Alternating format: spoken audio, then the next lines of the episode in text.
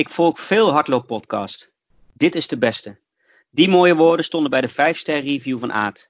Dat soort reviews maken ons blij en dankbaar.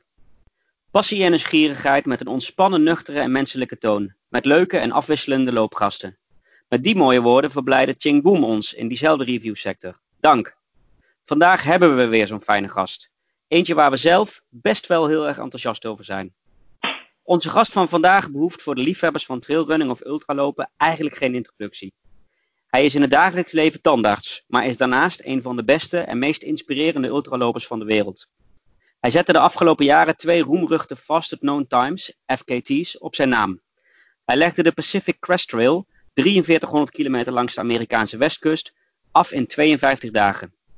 Ook het snelheidsrecord aan de Amerikaanse oostkust werd door hem veroverd. Op de Appalachian Trail, de AT, legde hij 3500 kilometer af in 41 dagen. Ik ben op mijn best in alles boven de 2000 mijl, hoorden we hem zeggen in de Fastest Known podcast. Toch liet hij zich verleiden om vorig jaar een veel kortere, maar wel legendarische tocht toe te voegen aan zijn cv. De Barkley Marathons.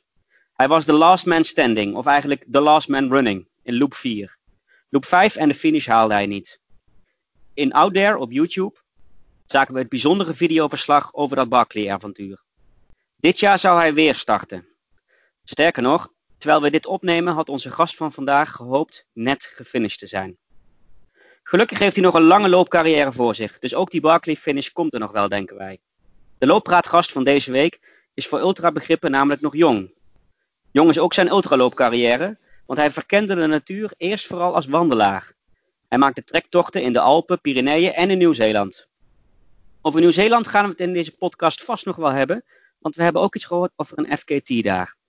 En natuurlijk gaan we het hebben over Barkley en over zijn trainingen, eh, over het belang van zijn crew, over nog zoveel meer. Wellicht ook wel over John Muir, de man van de uitspraak Going to the roots is going home. En in de hoge bergen in vertelde John Muir ons: Vooruit, daar gaan we, naar de allerhoogste bergen. Kom hoger, roepen vele stille ijle stemmetjes maar ook het middagonweer. Vaarwel, gezegend valleitje, gezegende bossen, tuinen, stroompjes, vogels, eekhoorns, hagedissen en talloze andere. Vaarwel, vaarwel. Dat middagonweer doet me denken aan de tijd van nu. Vaarwel, Barkley, vaarwel. Het corona-onweer gaat flink tekeer buiten. En dat heeft impact op ons allemaal. Hardloopevenementen worden afgelast, doelen zijn van de baan. Hardlopen doe je voorlopig niet.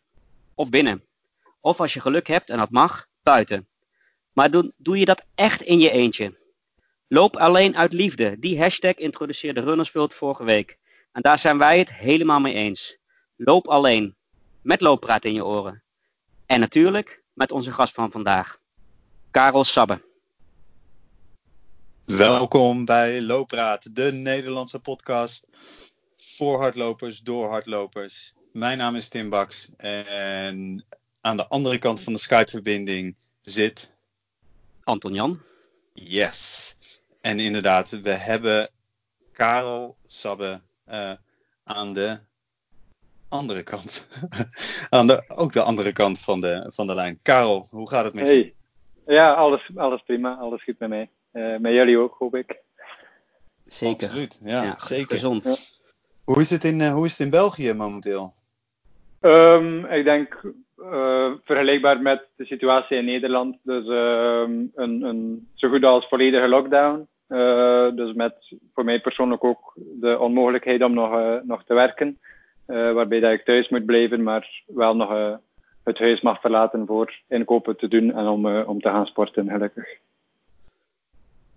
En sporten betekent voor jou alleen hardlopen? Um, nu tegenwoordig ook terug wat fietsen. In het voorjaar begint dat nog altijd uh, te kriebelen. Ik woon hier zelf uh, in de buurt van uh, de finale van veel van de Vlaamse voorjaarsklassiekers. Ehm, van, van de Ronde van Vlaanderen en, en de E3-prijs. Dus tegenwoordig ook mis. Ja. af en toe de, de koersfiets. Ja. En, maar je had nu veel liever ergens anders gezeten natuurlijk. Ja, absoluut. Dat is een grote understatement. Ja. Um, nee, het is mij veel hard, hard pijn dat ik, uh, dat ik thuis ben. En, en dat ik um, ja, niet, niet uh, in Tennessee ben in, uh, in de Verenigde Staten voor mijn tweede deelname aan, aan de Barkley Marathons. En nu, nu zeggen we natuurlijk allemaal, wie je ook spreekt, gezondheid is op dit moment het allerbelangrijkste. Hè? We mogen ook hartstikke blij zijn dat we gezond zijn en dat we nog kunnen lopen. Maar dit, deze beslissing is waarschijnlijk wel hard aangekomen bij jou. Vooral in het begin. Dus omdat ehm, ja, corona was al redelijk verspreid in de Verenigde Staten ook. Dus ik had geen, geen travelban meer verwacht, omdat ik dacht, ja, het is nu toch al verspreid in Amerika, dus waarom zou er nog een travelban komen? Uh, maar dan had Trump toch die, dat verbod opgelegd voor Europeanen. En dan ja, vond ik het heel moeilijk, omdat de organisator van de wedstrijd er wel alles aan ging doen om hem te laten doorgaan, zonder de Europeanen dan. En dan uh, ging het wel heel veel pijn doen, nog meer dan nu, om ja, de wedstrijd te zien doorgaan zonder, zonder dat ik er zelf bij kon zijn. Maar dan, ja, anderhalve week later, werd duidelijk dat, dat de coronacrisis groter en groter werd. En, uh, en is er dan voor uh, moeten gekozen worden om, om de Barclay Marathons uh, niet te laten doorgaan dit jaar. Ja, want ja, moeten we je... voor de um, even kort uitleggen wat de Barclays is voor, de, voor degenen die dat, die dat niet weten? Ja. Is dat, uh, dus de Barclay Marathons um, is eigenlijk een ultra loopwedstrijd die al 35 jaar plaatsvindt in, uh, in Tennessee. Um, en het is eigenlijk een beetje een ultramarathon slash uh, sociaal experiment, omdat de wedstrijd ja, er eigenlijk op gebaseerd is. Het concept is, laten we een wedstrijd maken die op de grens van het menselijk haalbare ligt. Uh, met een finishing rate van 1%. Dat is het doel van, van de organisator. Um, en dus telkens als er iemand in slaagt om te finishen, gaat hij het parcours elk jaar een beetje zwaarder maken, zodat het terug ja, één of twee jaar duurt voordat er iemand terug de code kan kraken en, um, en een finish kan, kan, uh, ja, kan laten plaatsvinden. Uh, en dus in grote lijnen is het concept, je moet vijf lussen doen. Um, en je krijgt daarvoor 60 uur de tijd maar de grootste uitdagingen zijn uh, enorme, enorme hoogteverschillen die je moet overbruggen. Uh, heel zware weersomstandigheden. Geen gemarkeerd pad, dus je moet alles op kaart en kompas doen. Um, en ja, heel moeilijke loopomstandigheden. Dus, ja. Had je hem, was, je, ehm, was je goed voorbereid dit jaar? Ik wil zeggen, had je hem uitgelopen, maar dat mag ik natuurlijk nooit vragen, want dat weet je niet. Maar... um, de Barkley heeft, heeft, de Barkley natuurlijk. Um, Daarom, ik was fysiek, ja. iets beter nog dan, dan vorig jaar. Um, en gewoon het feit dat ik, allee, het parcours komt wel voor 90% terug het jaar daarna. Dus die ervaring van die drie lussen en een beetje um, ging een enorme impact hebben op mijn, op mijn uh, prestatie dit jaar. Um, ja, om u een idee te geven van mijn training. Dus uh, per, per les moet je um, iets meer dan 4000 hoogtemeters overbruggen. En dus ja, na mijn, mijn zwaarste trainingsweek, waarbij dat ik dus hoorde dat ik niet kon afreizen naar de Verenigde Staten, had ik net dagelijks uh, meer dan 3000 hoogtemeters per dag getraind. Hier op een, op een, een helling, een beetje verder. Op, op je eigen berg? Op je eigen berg, neem ik aan. Uh, met dat ik verhuisd ben, is het nu een andere, een andere helling. Ah, uh, maar het is ook wel hetzelfde hoogteverschil, dus op 30 meter. Uh, en dan gewoon ja, tot, tot 100, 120 repeats doen. Um, omdat dat de enige manier is om, om je degelijk voor te bereiden. Je kan naar de fitness gaan en die loopband op 15%, maar dat, dat komt niet in de buurt van, van echt fysiek die hellingsgraad op te klimmen en, en af te dalen ook vooral. Dus, uh, wat, uh, wat, wat mensen vond je zelf... bak... Oh, ga je door, Tim. Waar, uh, waar vond je zelf dat je stond na die zwaarste week? In vergelijking met ehm, vorig jaar. Heb je andere dingen oh. gedaan bijvoorbeeld? Ja, nog meer, nog meer specifiek um, de, de hoogtemeters doen. Uh, dus nu bijvoorbeeld, die eerste weken dat ik terug mijn training oppikte voor de voorbereiding voor die Barclay Marathons, uh, zat ik vrij veel in de fitness en, en krachttraining te doen en zo. En dan die eerste dag dat ik dan uh, voor de eerste keer terug 2000 hoogtemeters deed, ja, was ik echt, had ik heel stramme spieren en merkte ik direct van ja, eigenlijk is dat de enige manier om, om je echt degelijk voor te bereiden. Je kan nog uren en uren krachttraining doen in de fitness, maar je lichaam heeft gewoon die fysieke impact nodig van het klimmen, het dalen. En uh, ja, dat was wel iets wat ik uh, terug besefte. Ja. ja. Wat, uh, wat luisteraars uh, die de Barkley Marathons kennen weten is, hè, het is een soort een, een mythische race ook. Uh, bijna mm. niemand weet hoe je je daarvoor kunt, kunt, kunt aanmelden. ik denk dat we veel mensen ook de documentaires daarover gezien hebben, hè, hoe, hoe dat proces gaat. Mm. We kregen daar natuurlijk wel ook een vraag over -hmm. van, van Hedwig. Uh, hoe jij erachter kwam, wat je eigenlijk, je hoeft niet te zeggen wat je, uh, bij wie je erachter bent gekomen, maar hoe je erachter kwam, wat je precies moest doen om, om mee te mogen delen. De, ja. De... Um, bij mij persoonlijk was het um, van ja, een tweetal bronnen dat ik een deel van de informatie gekregen had. Want dus je moet een brief sturen op een bepaald moment, echt uh, tot op de minuut eigenlijk, bijna het juiste moment naar de juiste persoon uh, in de juiste tijdzone en zo. Um, en ja, doordat ik toen al die, die records had op de Pacific Crest Trail en Appalachian Trail, heb ik al wat, wat mensen leren kennen die ook de Barkley al gedaan hadden en die al gefinished hadden.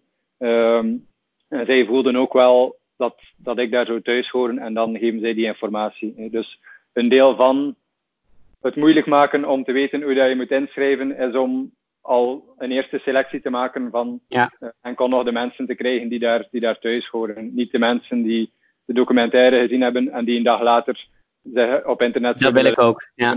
Maar, ja, ja. ja.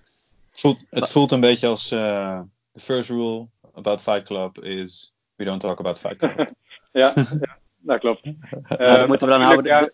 Ja. En je moet, je moet ook, uh, om, om mee te kunnen, uh, dat waarschijnlijk op het moment wat jij zegt, hè, dat je een bepaald moment uh, iets moet sturen, moet je ook een essay sturen, hè, van why, ja, dus, why I should be allowed to run in the Barclay. Ja, dat klopt. Dus um, zelf al heb je al deelgenomen, je moet elk jaar opnieuw die essay doorsturen naar de organisator, um, met de nieuwe redenen waarom dat je opnieuw zou moeten mogen deelnemen. Bij mij was dat de eerste keer van ja, kijk, ik heb nu die twee records gelopen. Um, ik heb veel succes gehad en, en ik zat altijd direct voor op schema en alles ging goed. Maar ik ben heel benieuwd om eens ja, achter te zitten op schema en, en moeilijkheden te hebben en, en te falen. En, uh, en, voor mij was dat mijn grootste drijfveer om, om daar eens aan te willen, te willen deelnemen. Ah, kijk, en dat was ook de inhoud van jouw essay. Dat was, maar, maar, dat zagen we ook terug in jouw in Out There, hè? De, de, de ja, video ja, ja. die jij daarvan gedeeld hebt. Ja, ja, ja. dus die, die intro van, van de documentaire is, is echt letterlijk uh, ik die een deel van mijn essay voorlees. Um, ja, gewoon het feit dat het echt leuk kan zijn om eens goed af te zien. dat dat belangrijk is in een, in een mensenleven ook. En, en ja, die, die lessen dat je er toch altijd uit trekt. dus ja, voor mij was die die uitdaging en de kans op falen was, was een grote drijfveer om, om te willen deelnemen aan, uh, aan de Barclay. Maar dat, dat, dat was bij de, de PCT en de, de AT niet zo, denk ik. Want daar was je juist wel heel goed voorbereid. En die, die, heb je allebei, uh, die records heb je allebei gebroken. Maar mhm. was dat nou juist de reden dat je, dat je dit zo graag wilde? Um, ja, toch wel. Toch wel. En, en ja, het is natuurlijk als, als ultraloper, um, je moet al niet niet zo lang aan het ultralopen zijn om links en rechts eens te horen praten over die mythische wedstrijd, die Barkley Marathons. En, en ja, dat was al een tijdje dat mijn uh, curiositeit geprikkeld was. En, en, zeker als je dan die documentaire ziet en, en als je ziet wat voor mensen erin slagen om, om uit te lopen, uh, begon ik toch wel ja, uh, benieuwd te worden of, of ik daar mijn plaats zou hebben en, en of dat ik het goed zou doen tijdens die Barkley. We, we, hebben heel veel vragen ook over de Barclay Marathons gekregen, dus we gaan daar zeker nog op terugkomen. -hmm. Maar we willen eigenlijk even helemaal terug naar, naar het begin, hè? Wanneer, jou, ja. wanneer jouw loopcarrière begon. Want, want je, je, je, was eerst meer een hiker, toch? Ja, ja, ja. ik ben altijd ja, een, een, sinds ja, het, het laatste jaar van, van mijn middelbaar onderwijs ben ik echt een fervente wandelaar geworden. Um, ja, met een grote passie voor ja, alles op mijn eigen rug te dragen en, en tentje opzetten en, en, flessen vullen aan, aan de bergriviertjes en zo. Um, en dan is pas ja, een, een zevental jaar later, of acht, acht jaar later zelfs, uh, dat ik ben beginnen lopen en, en in het ultralopen uh, terechtgekomen ben. Maar dat is voornamelijk vanuit de achtergrond als, als uh, wandelaar. Dus niet van een, een historiek van atletiek of. of nee. Ja. Nee, dus het begon met je, je liefde voor het buiten zijn, de natuur, mm -hmm. de, de, bergen, de bossen. Ja. Ehm, waarom ben je dan toch dat tempo gaan vergroten? Want dat is natuurlijk wat je uiteindelijk doet als je van wandelen naar, naar rennen ja. gaat. Um, well, het is een beetje een banale, een banale uitleg, maar het is wel de juiste uitleg. Um, dat was eigenlijk gewoon het feit dat ik zo, zo graag die Pacific Crest Trail wou uh, wandelen en, en doen. Uh, ik had er zoveel goede dingen van gehoord en, en door mijn ja, inspiratie door John Muir um, ja, wilde ik ook naar die bergen gaan en wilde ik die, die Pacific Crest Trail wandelen.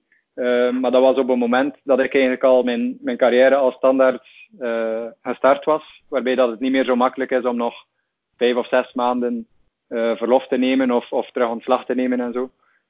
en dan ja, had ik in die periode ondertussen al ontdekt dat ik een, een aanleg en een beetje een talent had voor lange afstandslopen. En dan heb ik gewoon ja, de naïeve beslissing toch wel genomen om te zeggen, uh, ik ga de, de trail lopen. En dan eigenlijk echt gewoon gegoogeld, is er daar een record op? En, en dat, leek mij dan, dat leek mij dan haalbaar. Dat, was dat bleek het te zijn, ja. Ja, 78 kilometer per dag. En dan dacht ik, ja, uh, met mijn naïeve gedachtenhang van, ja, als ik dat aan, aan 8 kilometer per uur loop, doe ik daar 10 uurtjes per dag over. Dat is van, van 5 uur s morgens tot 3 uur in de namiddag. En dan de rest van de dag rusten. Uh, en, en in die naïviteit uh, eraan begonnen. En dan uh, al redelijk snel het besef van, oké, okay, zo gaat het niet lopen. Maar um, ja, aldoende heel veel bijgeleerd en, en, en um, ja, echt een, een, nieuwe ontdekking gedaan van de pracht van, van zo'n uitdaging aan te gaan. Maar eigenlijk puur door tijdsgebrek. Hè? dus dat je, dat je al bezig was met je carrière als tandarts, dacht je van, weet je wat, mm -hmm lopen, wandelen, dat lukt niet. Ik ga maar gewoon rennen. ja, eigenlijk was het zo. Ja, ja. En, dus, en, uh, en, en geslaagd ook. Ja, um, natuurlijk is ook. Um, allee, het blijft relatief. Uh, die, die snelheid die je haalt tijdens die recordpogingen. Ja, eh, soms zeggen, zeggen ja, mensen uit de wandelcommunity, dat gebeurt niet zo vaak, maar soms zeggen ze het wel van ja, is het geen zonde om dat dan te lopen? Eh? Uh, gaan die landschappen niet te snel voorbij, maar als je gemiddeld 6, 7 per uur haalt, ben je eigenlijk al heel goed op dreef. Ja. Uh, dus het is echt niet dat dat voorbij flitst, het landschap. Het is natuurlijk een andere soort ervaring. Uh, maar ik vind het zeker geen, geen zonde om het te lopen. Allee, het is natuurlijk een droom van mij om hem nog altijd eens te wandelen, de Pacific Crest Trail. Maar die loopervaring allee, komt op zich niet zo ver van, van die wandelervaring. Ik heb ook ja, heel veel kunnen nadenken. Uh, dagen aan een stuk gewoon buiten de bewoonde wereld. En, en soms zelfs nog meer dan een wandelaar, omdat zij moeten ja, liften naar een stadje om te bevoorraden. Maar ik, ik ja. uh, waardoor dat ik gewoon 52 dagen het pad niet verliet. Uh, wat dat eigenlijk nog een meer wilde ervaring opleverde dan, dan misschien een wandelaar die. die ja, je zat nog, je zat nog meer in dat parcours. Ja, ja. ja. Hey, want wat je dan ook ziet, een wandelaar ja, die lift dan naar een stadje, maar die willen dan graag eens op café. En, en meestal zijn die wat gegroepeerd met, met thru-hikers. En dan ja, is dat twee of drie nachten in dat stadje en feesten. En, en dan terug uh, naar, het, naar het pad. Terwijl bij mij is dat gewoon een en al wilderniservaring geweest, uh, ja. van begin tot einde. Ja. Ja, we hadden daar ook een vraag over. Uh, en ik heb zelf het boek ook gelezen, North, van Scott Jurek. Mm -hmm. dat hij inderdaad best wel ook van de harde kern van de, de AT. Hè? Die, die zeiden van, krijg je dit er allemaal mee? En, en, en mag je dit eigenlijk wel lopen? Moet je dit niet wandelen? Uh, mm -hmm. Maar ja, je geeft zelf eigenlijk al antwoord op. Uh, ja, ik vind je krijgt het, het wel uh, heel erg mee. Ja, en, ja. en ik vind ook, ja, dat zijn soms, ja, zeker op sociale media heb je wel die zuurpruimen die zeggen, het, is, het is onverantwoord en, en wat heb je er nog aan? Maar dan moet je niet meer gaan trail lopen, nee, dan moet iedereen wandelen, want, want ja, dat is op zich nog altijd wat dat we doen. Hè. We lopen op, op de paden en, en dat is een, een passie van veel mensen, van alle traillopers. Uh, maar als je dan zegt, ja, je kan er niet meer van genieten, je moet wandelen. Dan, dan moet er niemand nog trailrunnen en, en dan uh, moeten we allemaal gaan wandelen. Ik vind dat een beetje een, een, een, ja, een non-discussie. ja. Want hoe zit het als je, hè, uh, het is, je bent nou, 52 dagen onderweg. Als je mm -hmm. op uh, dag 35 zit, hoe, hoe ga je daarmee om? Zeg maar? Ik heb enorm veel moeite om me voor, voor te kunnen stellen van als je dan weer, oh, we gaan weer, nou wat is mm -hmm. het, uh, 78 kilometer lopen vandaag. Hoe ga je ja, daarmee om? Ja. Hoe bereid je je daarop voor überhaupt? Ja, de, de begin, allee, begininstelling moet sowieso zijn dat je het gaat doen. Eh? En, en dat er geen, geen, geen uh, kans is dat je zou stoppen of dat je zou opgeven. Je moet ja, helemaal bovenop jouw doel, of jouw, jouw grootste doel moet zijn, oké, we, gaan dit doen, wat dat er ook op ons pad komt. Want anders ja, duurt het zelf niet tot dag 35 voordat je stopt. Want, want na 20 dagen, 25 dagen dubbele marathons, ja, begint je lichaam uh, tegen te werken en, en krijg je zo'n extreem slaaptekort en, en krijg je pijnlijke voeten. Um, als je dan niet die ingesteldheid hebt van ja, ik ga dit doen, dan, dan stop je ermee. Dus voor mij was dat gewoon, ja, het was mijn lot. Ik stond op en, en ik moest beginnen lopen. En, en het was niet altijd um, ja, de beste momenten s'morgens, eh, want het was mij, altijd met veel te weinig slaap dat ik weer moest, moest beginnen. Maar ik wist gewoon, oké, okay, dit doe ik nu en, en ik heb ervoor uh, getraind. En, en mijn vriend die daar, uh, die daar mee was, had er ook, ja, ook slaaptekort en ook zijn tijd voor opgeofferd. En ik vond toen niet het moment om, om op te geven. Um, maar ja, je, je probeert het dag per dag aan te pakken en, en gewoon van, van meetup tot meetup. Dat was s morgens vertrekken en mijn eerste doel en enige doel eigenlijk van die dag was, oké, binnen 30 kilometer zie ik Joren terug. Uh, en veel verder dan dat denk ik niet. Want als je op, op dag 10 denkt, ja, nu moet ik nog 42 dagen datzelfde verder doen, dan, uh, dan denk ik dat je... Dan ga je niet redden. Nee. Ja. nee. nee. Het, het, viel mij ook al op in, uh, in de podcast Fastest Known uh, podcast. Uh, maar je zegt het nu ook al een aantal keren. Je hebt het ook in die podcast, heb je het ook heel vaak over ons record. Ja. Hè, dat is jouw, jouw, jouw crew, hè? Jouw, uh, ja. ja. Joe, zoals je hem dan in de podcast noemt. Maar in het Nederlands of in het Vlaams heet hij Joren. Joren, ja. Um, zou je zoiets ook alleen kunnen of willen? Um, het zou een beetje afhangen van de fase in mijn, in mijn leven. Um, nu zou ik dat niet willen alleen. Um, omdat, ja, het is, het is zo'n unieke ervaring om het met, met mensen te doen die je graag ziet. En, en, die, ja. ja en, en als je met vrienden loopt en, en je hebt familie die je ondersteunt, uh, is dat zoveel meer waard dan, dan het helemaal alleen te doen. Um, moest er bijvoorbeeld een paar jaar geleden zijn, na mijn studies. Toen had ik echt een grote drang om er eens helemaal uit te zijn. Dan ging het bijvoorbeeld wel mij aangesproken hebben om, om zoiets alleen te doen. Uh, maar nu heb ik, heb ik er eigenlijk geen nood aan om uh, ja, die enorme mentale um, uitdaging aan te gaan van het alleen te doen en, en van het met niemand te kunnen delen. Uh, dus, dus voor het ogenblik ben ik, en zeker de komende jaren ook nog, ben ik heel blij van het met, met ondersteuning te kunnen doen en met, met mensen die ik graag zie. Zou je het ook zonder of met, met iemand anders kunnen doen? het lopende deel. Het klinkt heel gek. Het lopende deel. Ja, ja. Het lopen. Precies, zeg maar die, dat, dat, hè, dat je uh, Joren vervangen voor, uh, ja, voor iemand anders. Um, ik denk niet dat het, uh, allee, het was zeker niet op zo'n lange trail dat het met iemand anders zou kunnen dan Joren. omdat, ja, allee, als je ook kijkt naar, naar bijvoorbeeld Karel Meltzer, die, die ook het record had op de Appalachian Trail. Um, ja. Hij had twee, twee gefaalde recordpogingen door crew issues.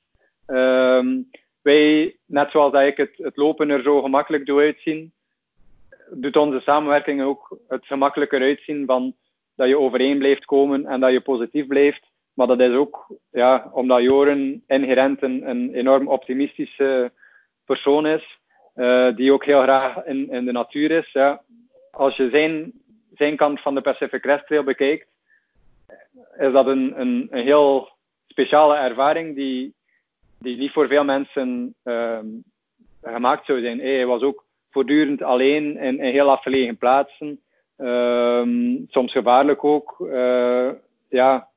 En, en het feit dat hij daar zo goed mee kan omgaan en dat hij ook nog eens kinesist is, die, die heel goede inzichten heeft in beginnende blessures en zo, um, ben ik er eigenlijk wel van overtuigd dat het, ja, dat het echt, doordat wij het samen gedaan hebben altijd, uh, zo succesvol geweest is.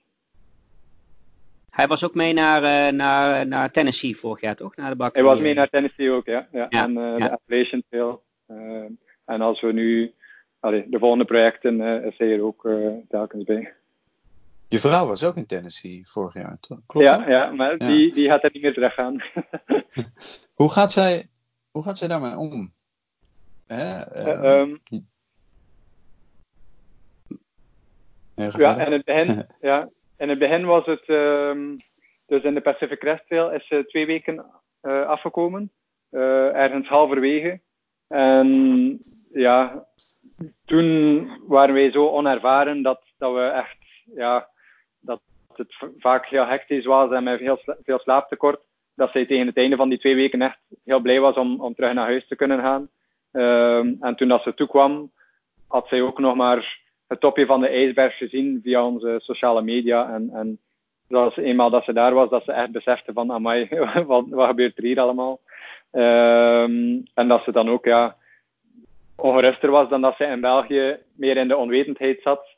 Uh, want ja, als ik dan eens drie uur later dan voorzien ergens toe kwam, ja, dan als, als partner ben je dan natuurlijk uh, ongerust. Um, maar ja, van in het begin is ze heel ondersteunend geweest voor al die projecten. Um, ja, ze, ze, is heel trots op mij ook en, ze is ook een grote drijfveer van, van um, ja, mijn, mijn doorzettingsvermogen.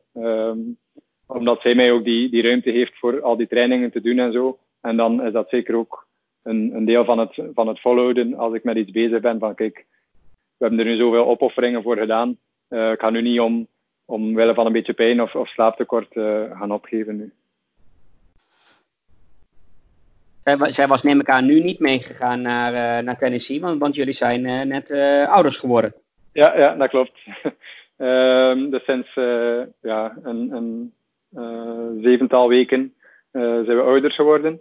Um, maar ja, hoe dan ook ging zij zeker niet de eerste, uh, eerstvolgende keer al terugkomen, omdat het misschien nog wat te ver in haar geheugen zat. Um, wat voor ja, moeilijke ervaring dat dat ook een beetje is, die Barkley. Want ja, ja je stuurt iemand de bossen in en, en dan, ja, het is jouw, jouw levenspartner. En, en uh, mensen komen terug uit die bossen en zeggen dat het onverantwoord is, dat er bomen omvallen. En, en ondertussen zit jouw man daar uh, met, een, met een koplamp in de donker en, en in de sneeuw. Um, misschien verdwaald of misschien is hij gevallen of, uh, of ligt hij bewusteloos. Ja, dus een, een echte aangename ja. ervaring is ja. het idee. Ja. Ja. Nee. Um, maar dus ja, met, met ons kindje nu ging zij ook sowieso niet mee geweest zijn. En, en um, ja, was ook wel een, een ja, een extra uitdaging voor deze Barkley training. Omdat ja, je bent net uh, vader geworden en dan moet ik toch ja, die, die uren doen voor, voor training. En, en voor mij komt het nu persoonlijk eventjes goed uit dat, dat er die coronacrisis is en dat ik verplicht thuis moet zitten. Want nu kan ik al een beetje schade inhalen van die, van die toch een beetje verloren eerste weken uh, met ons gezin.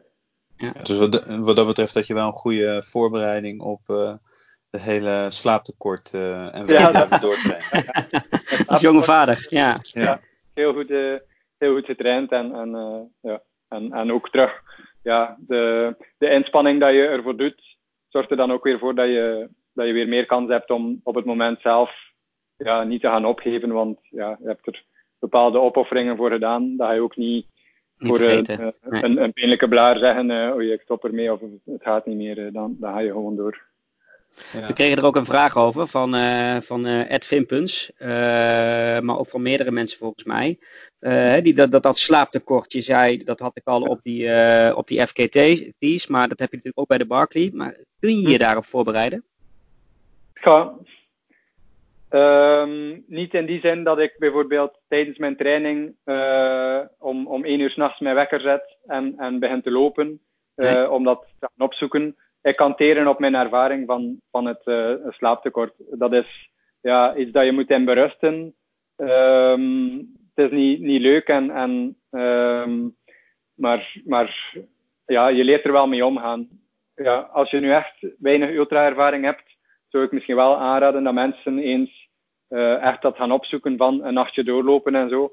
Maar ik conteren op ja, zeker die Pacific Crest Trail, waarbij dat ik ontelbare avonden moest, uh, moest doorzwalpen en, uh, en daar toch mee moest verder gaan. Want ik begreep dat jij bij de AT ge gekozen hebt om. Jullie kwamen aan vanuit een, vanuit een Europese tijdzone. dus hadden nogal last van een, van een jetlag. Dat jullie daarvoor gekozen hebben om juist heel vroeg te starten. Zodat je hier ja. lange nachten kon pakken, toch? Um, het concept was, bij zo'n FKT moet je sowieso uh, in het donker lopen, anders um, kom je niet aan genoeg uren dat je aan het lopen bent. Nee. Maar omdat tijdens die Pacific Crest Trail mijn mentale zwaktes altijd geweest zijn als ik s'avonds in plaats van om 10 uur toe te komen uh, om middernacht of om 1 uur, 2 uur, 3 uur uh, s morgens pas toekwam. Dat was mentaal heel zwaar. Dus nu dachten we, oké, okay, laten we die drie uur dat je minstens in het donker moet lopen, laten we die s morgens doen als je nog fris bent, goed uitgeslapen, je voeten doen nog geen pijn. En, en zo was ik tegen 11 uur s morgens al halverwege mijn dag. En dat was, dat was een, een enorm positieve flow van in het begin. En we hebben dat kunnen volhouden uh, tot en met het, het, einde. Dus het concept was, we worden wakker kwart voor vier uh, s morgens. En voor vier uur moet ik al aan het wandelen zijn. Uh, dus mijn ontbijt was gewoon al, al stappend. Uh, en zo win je ook alweer tijd en, en uh, ja, zo zaten we in een heel goede flow. En, en had ik veel minder die, die ja, mentale dieptepunten van s'avonds laat nog te moeten doordoen. Een beetje zoals dat je in het boek van Scott Jurek kan lezen. Ja. Uh, ja, dan, dan ga je trager, slaap je nog minder, moet je nog langer door s'nachts. En, en zo kom je in een visueuze cirkel. Ja, een visueuze cirkel. Terwijl bij ons ja, was dat was eigenlijk een positieve visueuze cirkel. Ik was super uitgeslapen iedere ochtend om, om kwart voor vier. Um, ik liep super sterk en, en, voor zonsondergang lag ik in mijn bed en, en was ik weer klaar voor uh, de dag erna. Wat was het, uh, als je de PCT met de AT vergelijkt, wat waren de doorslaggevende factors dat je, uh, dat, dat nog beter ging in, uh, tijdens de AT? Ja, veel meer ervaring opgedaan. Um, dat zat in kleine dingen, maar kleine dingen kunnen enorme dingen worden als je zo ver loopt natuurlijk. Um, om u het grootste verschilpunt als voorbeeld te geven, dat waren mijn voeten. In de Pacific Crest Trail kon ik naar het einde toe niet starten of niet beginnen met lopen zonder een pijnstiller. Uh, ik kreeg mijn voeten bijna niet meer in mijn schoenen. Um, dat waren blaren en blaren onder eelt. Uh, dat was een en al uh, miserie. Um, en dan hebben we er bijvoorbeeld bij de Appalachian Trail voor gekozen. Oké, laten we 50 paar kousen meedoen, um, meer paar schoenen voor af te wisselen. Uh, laten we onderzoek doen naar welke crèmes we best gebruiken, welke voetbadjes. Uh, laten we die voeten onderhouden. En, en tot en met het einde heb ik 0,0 problemen gehad met mijn voeten, waardoor dat ik pijnvrij kon lopen, waardoor dat ik sneller kon lopen, waardoor dat ik vroeger op het kamp was terug beter kon slapen en zo weer die positieve vicieuze cirkel kon, kon aanhouden. Um, en dan een tweede les die we ook genomen hadden, of geleerd hadden, was ja, hoe efficiënt dat je moet zijn in die momenten dat je jouw crew dan ontmoet. Nee, dus bij de Pacific Crest Trail, het was enkel Joren die mee was. Dus als ik dan tien uur alleen gelopen had, ja, was dat mijn enige sociale contact van die dag. En, en bleef ik ja. langer bij hem, gewoon om te kunnen babbelen en om eens te kunnen lachen. Um, terwijl nu op de Appalachian Trail, uh, ook omdat het de oostkust was, waren er iets makkelijker vrienden kunnen overvliegen, die dan meeliepen met mij, waardoor ik niet meer die behoefte had als ik dan een, een meet-up had, van daar te willen blijven zitten. En, en uh, kon ik vaak binnen de vijf minuten terug op pad zijn met de, een nieuwe rugzak. Kon Joren een beetje doorwerken en hoefde hij niet te kletsen met je. ja. ja, dat ook. En, en ja. konden die, die vrienden die meeliepen ook in hetzelfde auto rondrijden en kon ik meer met Joren lopen, wat dat ook uh, een heel leuke ervaring was natuurlijk. Even terug naar de, naar, naar de Barclay, uh, mm -hmm. uh, Karel. Daar hebben we natuurlijk heel veel vragen over gekregen. Hè? Met name ook omdat het natuurlijk een, een, een, hele mythische race is, maar ook over de voorbereiding erop en dergelijke. Ik kreeg ja. één vraag van, van Ramiro. Ehm, en, en die zat zij eigenlijk ook in mijn eigen hoofd. Dus die wil ik heel graag aan je stellen. Maar wat we nog niet verteld hebben aan de luisteraars is dat je elke ronde moet je uit boeken die verstopt liggen een pagina scheuren dat hetzelfde is als je nummer, je, je startnummer van die specifieke ronde. Mhm. Ehm, dat heb jij gedaan, hè, die, die, die, die rondes. Um, maar Ramiro wil heel graag weten uh, of je die pagina's bewaard hebt. En zo ja, of je ze ook gelezen hebt. Um, ik heb ze bewaard, maar ik heb nog maar een, een paar stukjes van gelezen. Uh, maar het zijn wel, het zijn wel leuke. Uh, allee, Les doet er altijd zijn best voor, voor ja, toch grappige boektitels en, en boeken te kiezen om, om te verspreiden in het bos. Dat was inderdaad ook nog een laatste vraag van hem. Van, eh, Stond daar iets opmerkelijks in wat op een of andere manier ook nog een link is met Barkley? Of, of ja, ja, uh, absoluut. absoluut. Ja. Um, om een voorbeeld te geven, het boek die, die aan de gevangenis ligt, waar dat, allez, um, het, het, het ontstaansconcept eigenlijk was van de wedstrijd, van die ontsnap, ontsnapping van, uh, van de moordenaar van Martin Luther King. dus daar ligt er altijd een boek in de gevangenis. Um, en nu heette dat boek, uh, was de titel Shoot Him If He Runs. Um, dus hij kiest altijd van die, ja, van die momenten. Um, het boek op de, op de tweede waterdrop bijvoorbeeld was The Interrupted Journey, Two Lost Hours. En, en ik had toen al een uur verloren met, met verkeerd lopen en, en waarschijnlijk had, had Dat wist hij waarschijnlijk, ja. ja en zo anticipeert hij een beetje op, op ja, wat dat de mensen gaan meemaken op, op dat moment dat ze dat, ze dat boek vinden. Dus dat is wel ja, een leuke, leuke toevoeging van de wedstrijd. Want vorig jaar was zo'n jaar dat, dat, dat hij besloten had dat het parcours maar weer eens moeilijker moest worden, toch? Ja, ja. Want ondanks dat er niemand gefinished was het jaar ervoor, uh, vond hij tijd voor echt een, een grote koerswijziging. Ehm, en, en ja, het was ook wel, wel spannend natuurlijk van uh, ja, wat gaat het zijn, die, die grote verandering. En, en uh, ja, het is, het is zeker weer een, een, een paar per procentjes uh, moeilijker geworden. Dan, dat waren ook nog de eerste woorden van hem aan jou toen jij daar kwam, van you picked the wrong year for your first. ja, ja, dat was tegen, tegen Michiel Pannenhuizen dat hij dat zei. Ah, okay, ja, je hebt een slecht jaar gekozen. Tegen mij zei hij van ja, het gaat, het gaat sneller voorbij zijn dan de Appalachian Trail, maar uh, het zal sneller business worden ook. Allee, of het zal sneller serieus worden. Michiel Panhuizen, Nederlander trouwens. De Nederlander. Ja. Michiel ja, Panhuizen, ja. Die meerdere keren heeft meegedaan, geloof ik, hè? Hij heeft, het was nu zijn, zijn vierde of vijfde keer, denk ik, dat hij er was. Ja, en een, een, een beproefde methode om uh, als rookie, als blauwtje mee te gaan in, de, in je eerste Barkley, uh, is om te koppelen aan een, uh, aan een meer ervarene loper. Heb, ja, heb je ja. dat ook gevolgd? Of hoe ging dat jou? Dat was de bedoeling, maar dat is, dat is niet gelukt. Ehm, het is wel een feit dat ik daar op voorhand over nagedacht had. Hey, bijvoorbeeld, ja, wat verkies ik? Ben ik liever last man standing op eigen krachten of ben ik liever een finisher door, door vier rondes Jared Campbell te volgen en, en te laten hitsen. Uh, en dan één, één ronde op goed geluk een beetje uitlopen. En mijn voorkeur was wel van oké, ja, je gaat naar de Barkley voor, voor jezelf tegen te komen en voor zelf fouten te maken en, en, uh, en kwaad te worden en, en problemen te hebben. Um, dus ik heb het niet bewust opgezocht van alleen te lopen. Uh, maar ik kon er mij perfect in vinden dat ik al na, na anderhalf uur wedstrijd alleen aan het lopen was. Dus de situatie was zo dat de, de zeer sterke veteranen heel snel vertrokken waren. Ehm, en ja, ik had toen de keuze gemaakt van oké, ik laat ze gaan. Vol, volgens mij gaan ze iets te snel.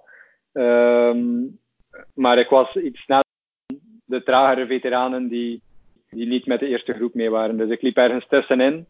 Um, maar achteraf ben ik daar heel dankbaar voor ook, uh, of heel blij mee ook, omdat ik nu ja, drie lussen zelf gedaan heb. Ik heb zelf fouten gemaakt, um, waardoor dat ik nu met veel meer vertrouwen eens kan teruggaan. Terwijl moest ik vier lussen iemand anders gevolgd hebben, en de vijfde lus loopt het mis, ja, begin ik bijna met, met dezelfde onervarenheid uh, het jaar daarna. Dus, dus op dat nou, en je, en je was nu alsnog last man standing. Ja, dat klopt. Ja. ja. Dus volgens mij hebben zij ook effectief iets te snel gestart. Um, want John Kelly, de, de laatste finisher van 2017, die zag het na twee lessen helemaal niet meer zitten. En toen dat ik uh, Guillaume Calmets, uh, de Fransman, passeerde bij, bij de derde les, was hij ook helemaal uh, klaar. Dus terwijl dat ik nog, allee, nog mij beter voelde op, op dat ogenblik. Een vraag die we veel terug zien komen. Je hebt er net al een klein beetje over verteld, maar hoe kun je trainen voor de Barclays? Of hoe heb jij getraind voor de Barclays? Op, op zo'n mhm. immense uitdaging. Hè? En dan hebben we vragen van mensen over gewoon het aantal kilometers, de hoogte, de voeding, maar zeker ook hè, een vraag van, van um, voormalig gast van Looppraat, Samena, zelf ook een ultraloopster. Mm mentale training. Mhm. Hoe heb jij het aangepakt? Ja, het zijn natuurlijk die verschillende aspecten van, van de Barkley die die voorbereiding ook wat, wat moeilijker maken. Hè.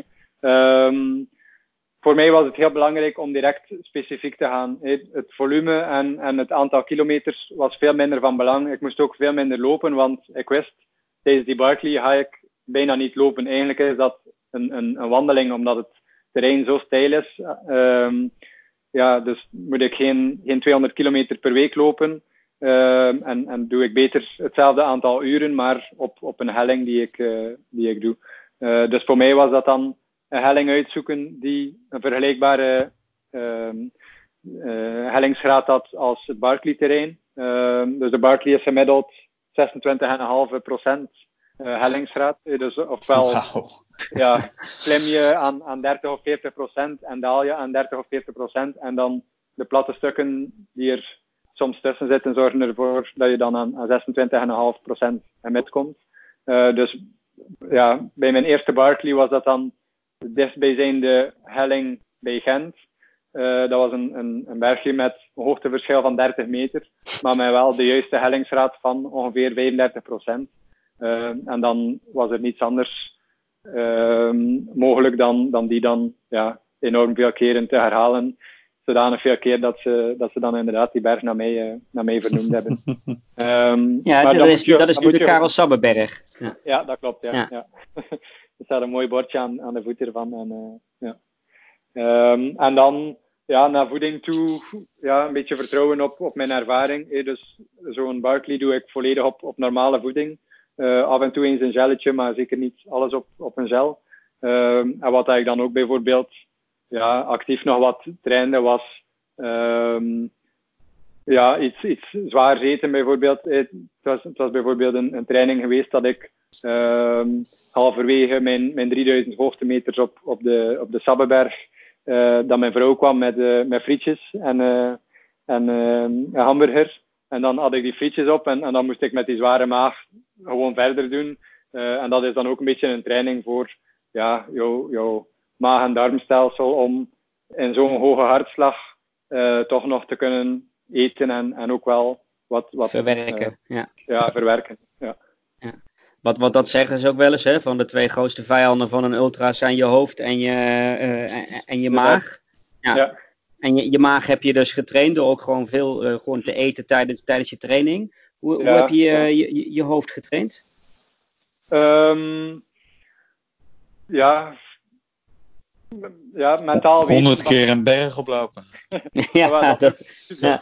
Uh, dat was zeker al een mentale training. Uh, maar ook meer en meer ja, u, u inleven in hetgeen dat eraan zal komen. Uh, ja, bepaalde scenario's proberen door te lopen. Dat je niet op het moment dat je verzwakt en moe bent, keuzes gaat maken, maar dat je ze eigenlijk al op voorhand beslist hebt. Om, om een voorbeeld te geven, ja, mij proberen in te beelden in de situatie waarbij dat ik nog één minuut heb om een nieuwe lust te mogen starten. Ja, zeggen tegen mijn vrouw en tegen Joren van kijk, als die situatie zich voordoet, stuur mij terug uit en, en laat mij niet stoppen. Um, maar dat je zo'n situatie al op voorhand eens probeert ja, te beslissen van oké, okay, dat gaat ons antwoord zijn. Als ik dan ja. daar niet over nagedacht had en het was nu de situatie zoals dat ze nu was, ging ik misschien mijn vrouw en Joren kunnen overtuigd hebben dat het geen nut had om, om terug te starten. Maar nu konden zij zeggen, hé hey Karel, je hebt wel gezegd. Uh, hey, want We hebben het hierover gehad. Ja. Ja, hey, dus bij mijn vierde les had ik nog maar 15 minuten uh, om de cut-off, om binnen de cut-off weer weg te zijn. Uh, en kwam ik zelf een beetje, mede door wat dat Guillaume gezegd had, van hey, het gaat ons echt niet meer lukken. Het heeft geen nut om nog, nog verder te doen. Dat was een beetje in mijn hoofd beginnen spelen.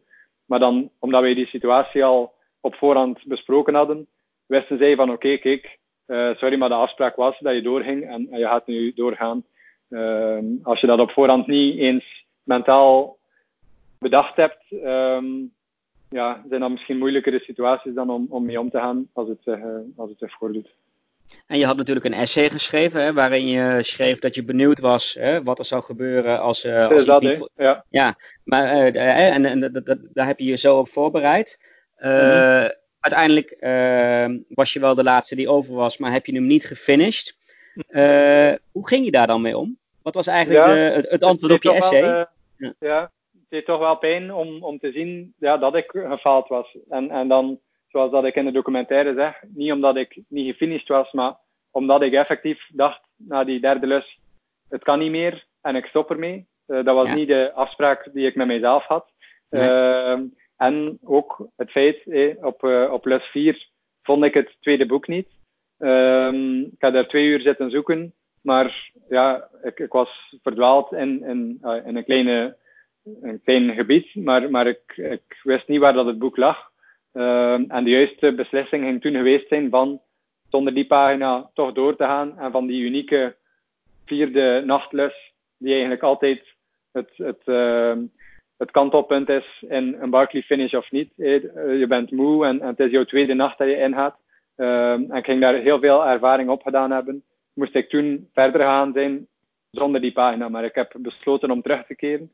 En, en ja, dat, dat knaagt dat knaagde snel en, en dat knaagt nog altijd van, allee, hoe, kon ik nu um, dat gedaan hebben? Um, en, en dat is dan ook ja, een, een, reden waarom dat ik nu terug een betere loper ben dan, dan voor de Barkley. Omdat ik nu weet, ja, dat kan dus gebeuren. Ik dacht dat ik daar niet voor vatbaar was. Dat ik altijd kon zeggen op voorhand, ik ga het zo doen en ik, en ik voer het zo uit.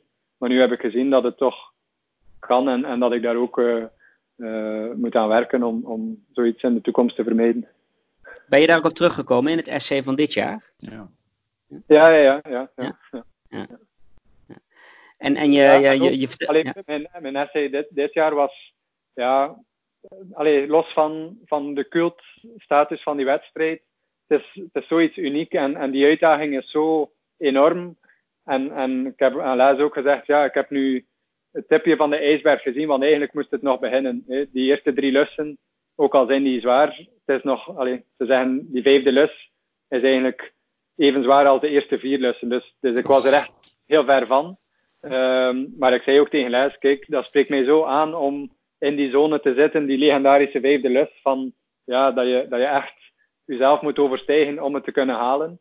Uh, en daarvoor wil ik teruggaan. Ik wil, allee, door mijn eigen ervaring kan ik ook die andere finishers hun, hun prestatie in perspectief plaatsen. En ik vind het zo ja, inspirerend dat mensen er al in geslaagd zijn om het uit te doen en, en om, om ja, de, de gedachten goed te kunnen houden, om te kunnen blijven navigeren en, en, uh, en om een slaaptekort te overwinnen en, en de pijn te, te doorstaan. Dus ik wil zelf ook ja, die, ja, die uitdaging opnieuw aangaan en, uh, en het verder uh, schoppen deze keer. Hoe dat navigeren. Je terug op, die, uh, uh, op je eerste Barkley? Allicht? Hoe kijk je, hoe kijk je terug op, de, op je eerste ja, Barkley? Ja, um, ik zie het nog altijd als een gemiste kans. Um, veel mensen zeiden terug van ja, het waren te zware weersomstandigheden of, of mensen zeiden dat bij mij voor, voor ja, als, als geruststellende woorden van kijk, ja, je had heel moeilijke weersomstandigheden en, en maar het feit was wel, die tweede lus, daar zijn alle moeilijke weersomstandigheden in geconcentreerd geweest. Dus dat was van, van 20 graden overdag naar ja, min 5 en, en een sneeuwstorm. Uh, en, en enorm veel regen, waardoor dat alles super modderig werd. Maar dan nadien, lus 3 en, en hypothetisch ook 4 en 5, gingen graag heldere blauwe lucht geweest zijn. perfect om, om te navigeren en om het te doen. Dus ik zie het nog altijd als een, als een gemiste kans. En, en ehm, ja, ik moet er niet te lang over nadenken of, of ik word terug, ja, ik vind het terug wel jammer dat, dat het zo gelopen is. Ik ben natuurlijk trots. Ik heb het goed gedaan. Dat zeker als, als Virgin en, en alles zelf genavigeerd en, en, en toch de last man standing. Maar uh, mijn, mijn grootste gevoel is, is dat het een gemiste kans was uh, om, om ja, nog legendarischer te zijn en, bij een eerste poging uh, mm. ja, te finishen. En, ja. en dat er misschien wel in bij ja. de keuzes. Ja. Moet je volgend jaar, de, uit van de, uitgaande van dat je volgend jaar weer gaat, um, moet je weer opnieuw een essay schrijven? Ja, ja, ja. sowieso terug. Okay. dat heeft dat laten weten ook. Um, terug een essay schrijven. Ja, en je moet, dus, je, moet, je moet er helemaal de mangel door. Ja, ja. Um, en dan, ja, een deel die vaak vergeten wordt, is dat je eigenlijk ook nog een examen moet afleggen. Um, eens dat je ontvangen is en goedgekeurd. En als je een van de, van de 40 bent, uh, moet je nog een examen afleggen ook. En dan, ja, is het echt typisch lijst, de organisator van de wedstrijd, om absurde vragen te, te stellen en, en die, die eigenlijk geen antwoord hebben. Wetenschappelijke vragen ook. En, en je moet er dan ja, op het internet opzoeken en, en je komt dan op van die zweverige websites met, met conspiracy theorieën en, en je vindt dan geen oplossing voor die vragen. Maar dat is al zijn eerste, zijn eerste indicatie van ja, de Barkey heeft ook geen eenduidig antwoord. Het is niet als je Nee, hoe ga je om met dat soort uh, situaties? Ja, en, dat, uh, ja. ja. Van, van een situatie die geen. Allee, de Barclay is niet de optelsom van je hoogtemeters trainen en leren navigeren en, nee. en doorzettingsvermogen.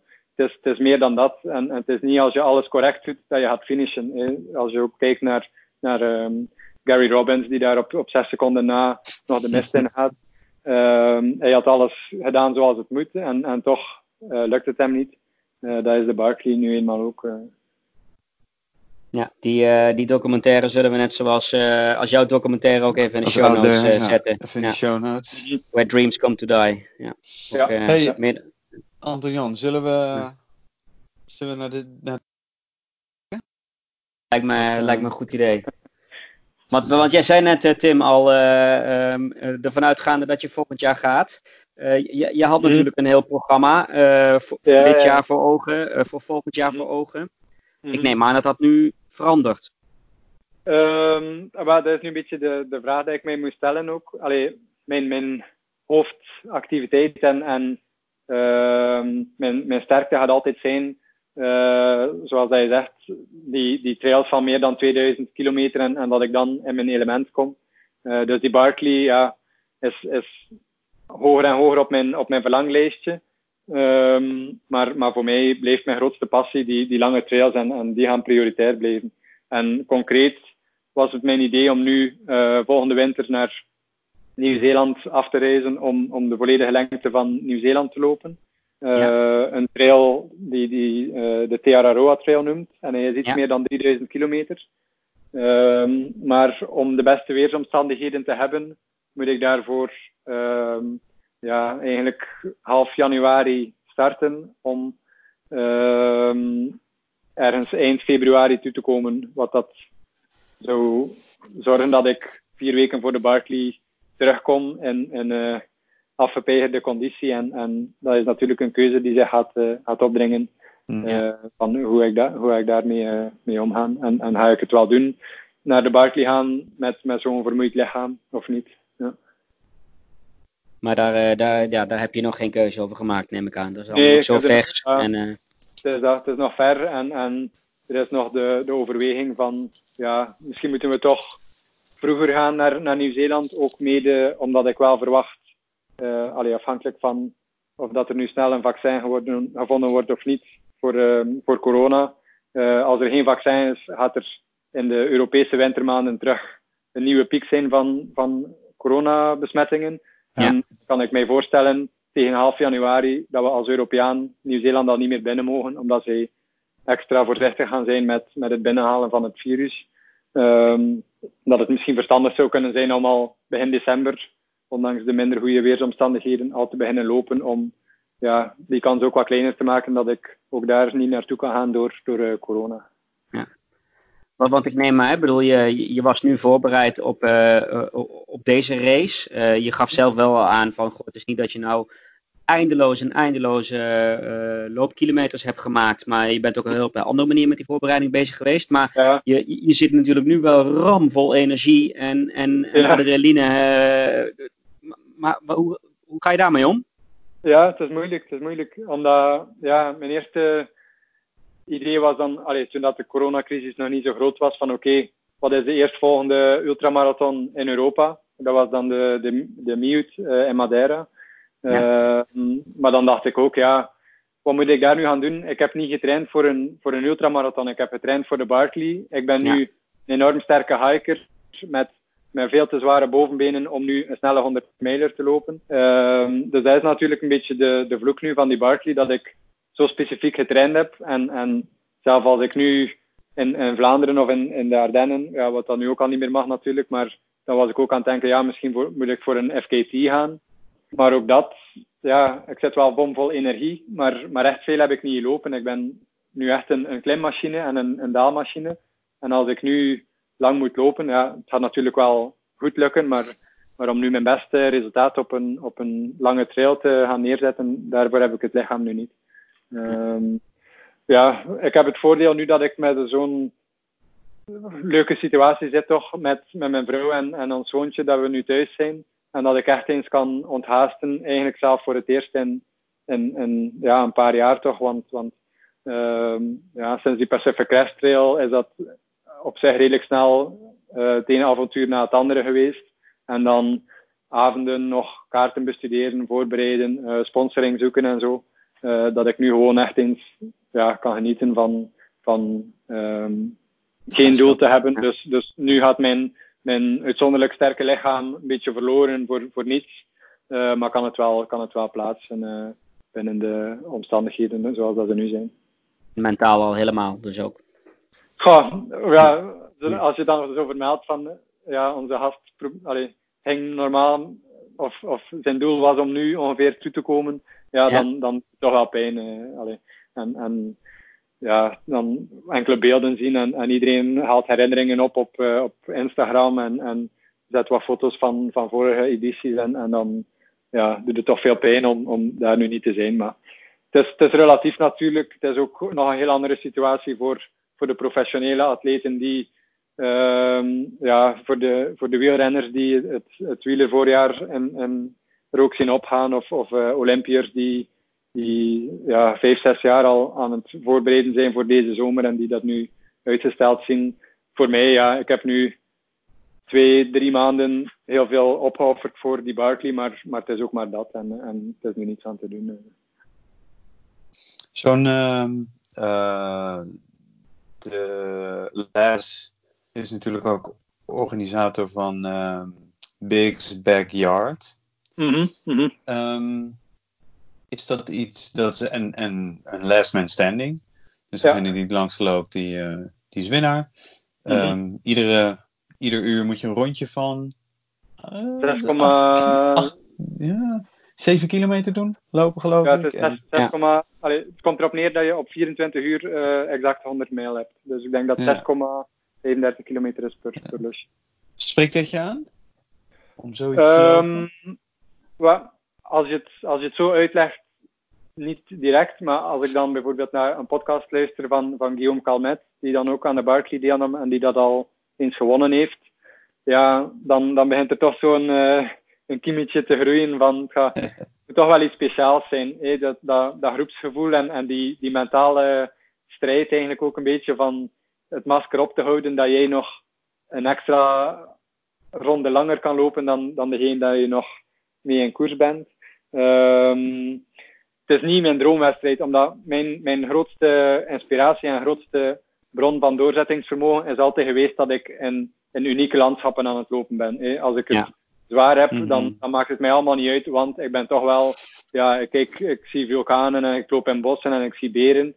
En, en als je dan natuurlijk een lusje van, van 6,3 kilometer loopt, uh, is, is iets anders. Maar, maar het spreekt mij toch aan. Um, ja, omdat hij toch ook sprak, Guillaume, dan van, van dat het toch wel een unieke ervaring is en, en die sfeer daar rond en, en ja, een, een heel pure vorm van, van lopen ook. Ehm, dus ja, misschien dat, dat mensen mij toch op termijn eens gaan zien op zo'n uh, backyard ultra. Nou ja, als je, als je Barkley wint, dan uh, mag je, geloof ik.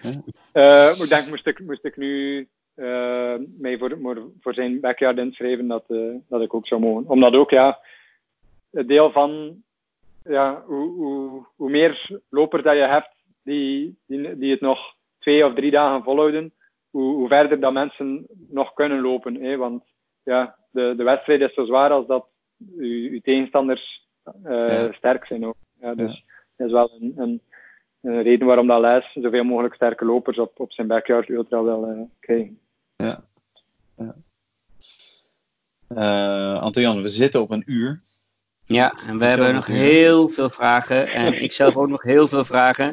Maar we, we, we, moeten het niet uh, uh, veel langer maken. ik neem aan dat Karel ook op, op, op, tijd naar bed wil. Ehm, bovendien denk ik dat, dat het sowieso, wat je net al zei, best wel een, toch wel een pittige dag was. ook emotioneel gezien. Dus wat mij mhm. betreft uh, gaan, we, gaan we een aantal vragen nog opsparen. Misschien een keer gewoon toesturen. Of uh, dat we nog een keer een deel 2 uh, eh, opnemen van, van deze podcast. En, en, gaan we er heel langzaam het eind aan breiden. Breien. Lijkt me goed. Ja. Ja, ja klinkt, klinkt goed. Klinkt goed. Er is nog uh, één vraag, uh, Karel, die wij, die wij, aan al onze luisteraars of al onze gasten stellen. Mhm. En we kunnen deze podcast niet afsluiten zonder dat we die vraag gesteld hebben. Mhm. Maar is, heb jij voor ons en onze luisteraars nog een loop je niet kapot, oh, ik kan hem zelf niet eens meer uitspreken, een loop je niet kapot tip? een ultieme trainingstip, looptip, voorbereidingstip, mentale tip die, die je aan onze luisteraars zou willen meegeven? Um, de ultieme looptip. En dat mag ook hmm. bij je hart zitten, wat je net schetste over de natuur of over. Uh, ja, ik zou zeggen, kies, ja, kies de juiste uitdaging. En daar begint je hele loopervaring mee. Als je, ja, als je iets kiest die boven jou, of die, die, ja, die stress bezorgt en, en die te ver boven jouw niveau is, dan, ga je er geen genot van hebben. Of, of uh, als je een, een wegmarathon doet, maar eigenlijk ben je een natuurliefhebber, uh, kies de juiste uitdaging en dan ga je een, heel leuk proces meemaken van training en, en toeleven naar een, naar een doel. En, en ja, mijn ja, grootste tip is, blijft wel van ja, trek die natuur in en, en, en ga de bossen in en, en probeer je lokale natuurgebiedje te ontdekken en, en ja, voor mij blijft dat de grootste drijfveer om het, om het te doen. Uh, gewoon die, dat vrije gevoel van uh, in de natuur te zijn en, en uh, ja, altijd die frisse, frisse wind in, in mijn hoofd van gewoon ja, te lopen in, in de natuur. Dat is het, het, beste gevoel dat ik ken. En ik denk dat ik je antwoord al weet op mijn volgende vraag, maar um, loop je loop je met muziek of uh, luister je naar podcasts tijdens je, als je honderd keer uh, je eigen berg, uh, berg op ging? Ja, um, het varieert een beetje. Dus nu tijdens mijn laatste Barkley training, allee, die trainingsweken, dat ik echt veel hoogtemeters deed, luister ik wel vaak naar, naar podcasts, omdat het, ja, dan is het toch wel echt mentaler, die training. En, en dan helpt mij dat wel om, om het vol te houden van vier, vijf uur dezelfde helling op en af te lopen. Uh, maar hoe leuker dat mijn lopen is, hoe minder dat ik ga luisteren naar, naar enerzijds podcasts, um, anderzijds muziek. Um, als ik ja, op, op een plaats loop dat ik nog nooit gelopen heb, uh, loop ik zonder muziek. Als ik het toertje loop dat ik al al honderd keer gedaan heb, doe ik soms um, een beetje met muziek en, en een, een, deeltje zonder muziek. maar het grootste deel loop ik eigenlijk gewoon met, met de geluiden van, van de natuur. En, en gebruik ik het om, om mijn hoofd leeg te maken en, mm en uh, moet ik niet echt veel, veel luisteren en, en horen. Uh, ja. ja. Ik vind het uh, hele mooie laatste woorden, Tim. ik denk het wel. Ja. Um, Tim gaat zo de podcast nog even, nog even afsluiten, wat hij altijd doet. Mhm. Maar wij, wij, willen jou heel graag bedanken voor je tijd, Karel. Ja, dat, is, dat is graag gedaan. Ja. Ik hoop dat je de komende tijd uh, met je gezin wellicht nou, misschien weer kunt gaan wandelen of kunt genieten van je natuur in je eigen omgeving. En mhm. dat de wereld heel snel weer wat normaler wordt en, ehm, en er ook weer, weer andere plannen gemaakt kunnen worden. Ja, ja daar kijk ik maar, maar tot die tijd heel erg bedankt voor, je, voor je tijd. En, ja, met heel veel plezier gedaan. Dankjewel, Karel. Dankjewel. Ja. Um, nou, einde aflevering. Tof dat je geluisterd hebt naar, uh, naar Loopraad. Um, wil je nou als altijd als eerste op de hoogte zijn van nieuwe afleveringen, schrijf dan even in op onze nieuwsbrief op loopraad.nl. Ehm, we zijn ook te vinden natuurlijk op uh, Instagram, op Twitter. Ik zag dat we zelfs Facebook weer even aan hebben gezet. Dus als je een van die pagina's uh, volgt, dan uh, krijg je ook altijd iets te horen. belangrijk ook om even een review achter te laten op Apple Podcasts. Een aantal vier of vijf sterren te geven, dat vinden wij echt fantastisch. Zoals Anton Jan in zijn introductie al zei. Um, kan ons volgen op Spotify, Soundcloud. we zitten overal in jouw favoriete, in jouw favoriete podcast app. Um, en um, dat was hem weer. Dankjewel voor het luisteren en uh, tot snel. Karel, super bedankt. Dankjewel. Ja, graag gedaan. Tot, uh, tot ziens. Tot de volgende keer. Tot ziens.